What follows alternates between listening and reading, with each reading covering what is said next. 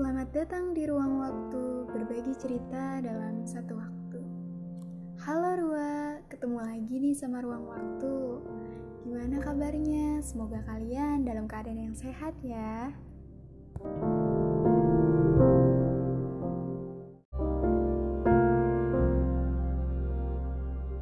Kali ini kita akan membahas tentang memilih teman yang baik untuk kita. Kenapa sih kok memilih teman yang baik untuk kita? Menurut kalian penting gak sih? Dalam berteman itu kita harus pilih-pilih atau kita berteman saja dengan siapa aja? Menurut versi ruang waktu, berteman itu harus dipilih loh. Kenapa? Karena kita nggak tahu nih, kita mudah terbawa oleh arus atau kita yang membawa arus yang baik untuk mereka. Jadi, kalau kita terbawa oleh arus, kita kan nggak tahu teman kita ini membawa kita ke arah yang positif atau justru ke yang negatif. Tapi, kalau misalnya kita tipe orang yang tidak mudah terbawa arus, malah justru membawa arus yang baik untuk teman-teman kita, wah itu sih bagus banget. Gak apa-apa buat berteman dengan siapa saja, asal ada batasnya dan kita mampu membuat mereka ikuti arus yang baik dari diri kita. Memang bagaimana sih cara memilih teman yang baik untuk kita?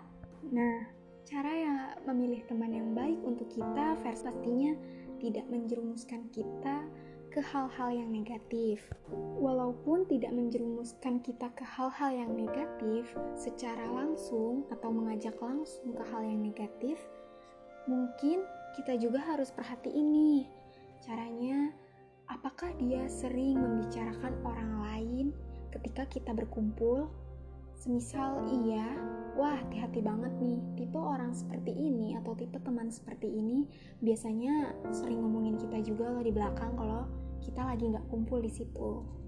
Kemudian kita perhatikan juga, selama kita berteman dengan mereka, kita ini menjadi pribadi yang jauh lebih baik atau justru malah menjadi pribadi yang lebih buruk atau lebih kurang baik dari sebelumnya gitu. Kemudian, ketika kita berhasil melakukan suatu pencapaian, kira-kira mereka ini mengapresiasi hasil kita dengan ikut senang atau justru malah sebaliknya nih. Tapi terkadang juga kan ada ya uh, di depannya senang, pas di belakang ternyata ngejelek-jelekin kita nggak sujon tapi kadang uh, ada aja gitu. Tanpa orang lain ngasih tahu kita tuh tahu sendiri gitu. Nah kalau untuk tipe yang seperti ini sepertinya sih menurut ruang waktu kalian sendiri yang bisa menilai gitu. Kalian sendiri yang bisa memperhatikan lah apakah dia tipe yang tidak senang ketika temannya berhasil atau justru senang ketika temannya berhasil. Itu kalian sendiri yang bisa tahu gimana reaksinya atau gimana uh, ya apresiasi dianya. Walaupun di belakangnya kita nggak tahu tapi nanti one day pasti ada deh aku yakin itu pasti bakal ketahuan lama-lama. Karena Allah itu pasti bakal nunjukin teman-teman yang baik atau yang kurang baik buat kita. Terus, um, kira-kira mereka ini suka ngebanding-bandingin gak nih kita sama yang lain atau ngebanding-bandingin uh, kita sama diri dia? Kira-kira seperti itu. Kalau misalnya suka ngebanding-bandingin ke hal yang negatif atau uh, buat kita sakit hati, itu toxic banget ya. Itu ciri-ciri temen yang menurut aku harus kita remove dari kehidupan kita atau kita stopin untuk tidak tidak terlalu dekat dengan dia. Karena terkadang dalam pertemanan itu pasti ada yang namanya lost contact atau benar-benar berakhir ya benar-benar memutus gitu karena bukan kita memutus untuk yang gimana-gimana tapi ya memang tuh dia nggak baik buat kita. Jadi kita lebih baik uh, gak usah lagi berteman sama dia. Daripada itu buat kita jadi sakit atau sedih terus lebih baik kita remove dia dalam kehidupan kita. Gak apa-apa kok mau ngeblokir kontaknya mau nge-remove dia ngeblokir dia dari sosial media kita.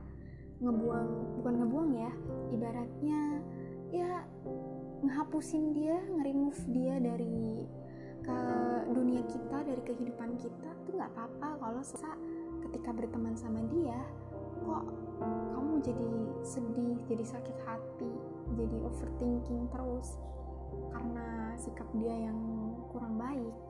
Bukan kamu yang salah karena ya mungkin memang kamu nggak cocok berteman sama dia aja gitu. Tapi dari pertemanan yang toksik itu menurut aku uh, kita bisa ngambil positifnya. Yaitu siapa tahu Allah tuh sengaja ngejauhin salah satu orang dari kehidupan kita supaya kita menjadi pribadi yang jauh lebih baik ke depannya.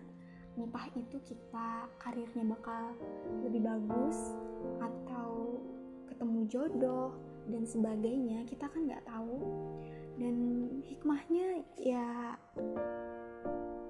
kita apa ya ibaratnya ya udah gitu namanya kehidupan pasti ada roda berputar kan? Dan itu silih berganti orang akan datang dan pergi. Jadi it's okay.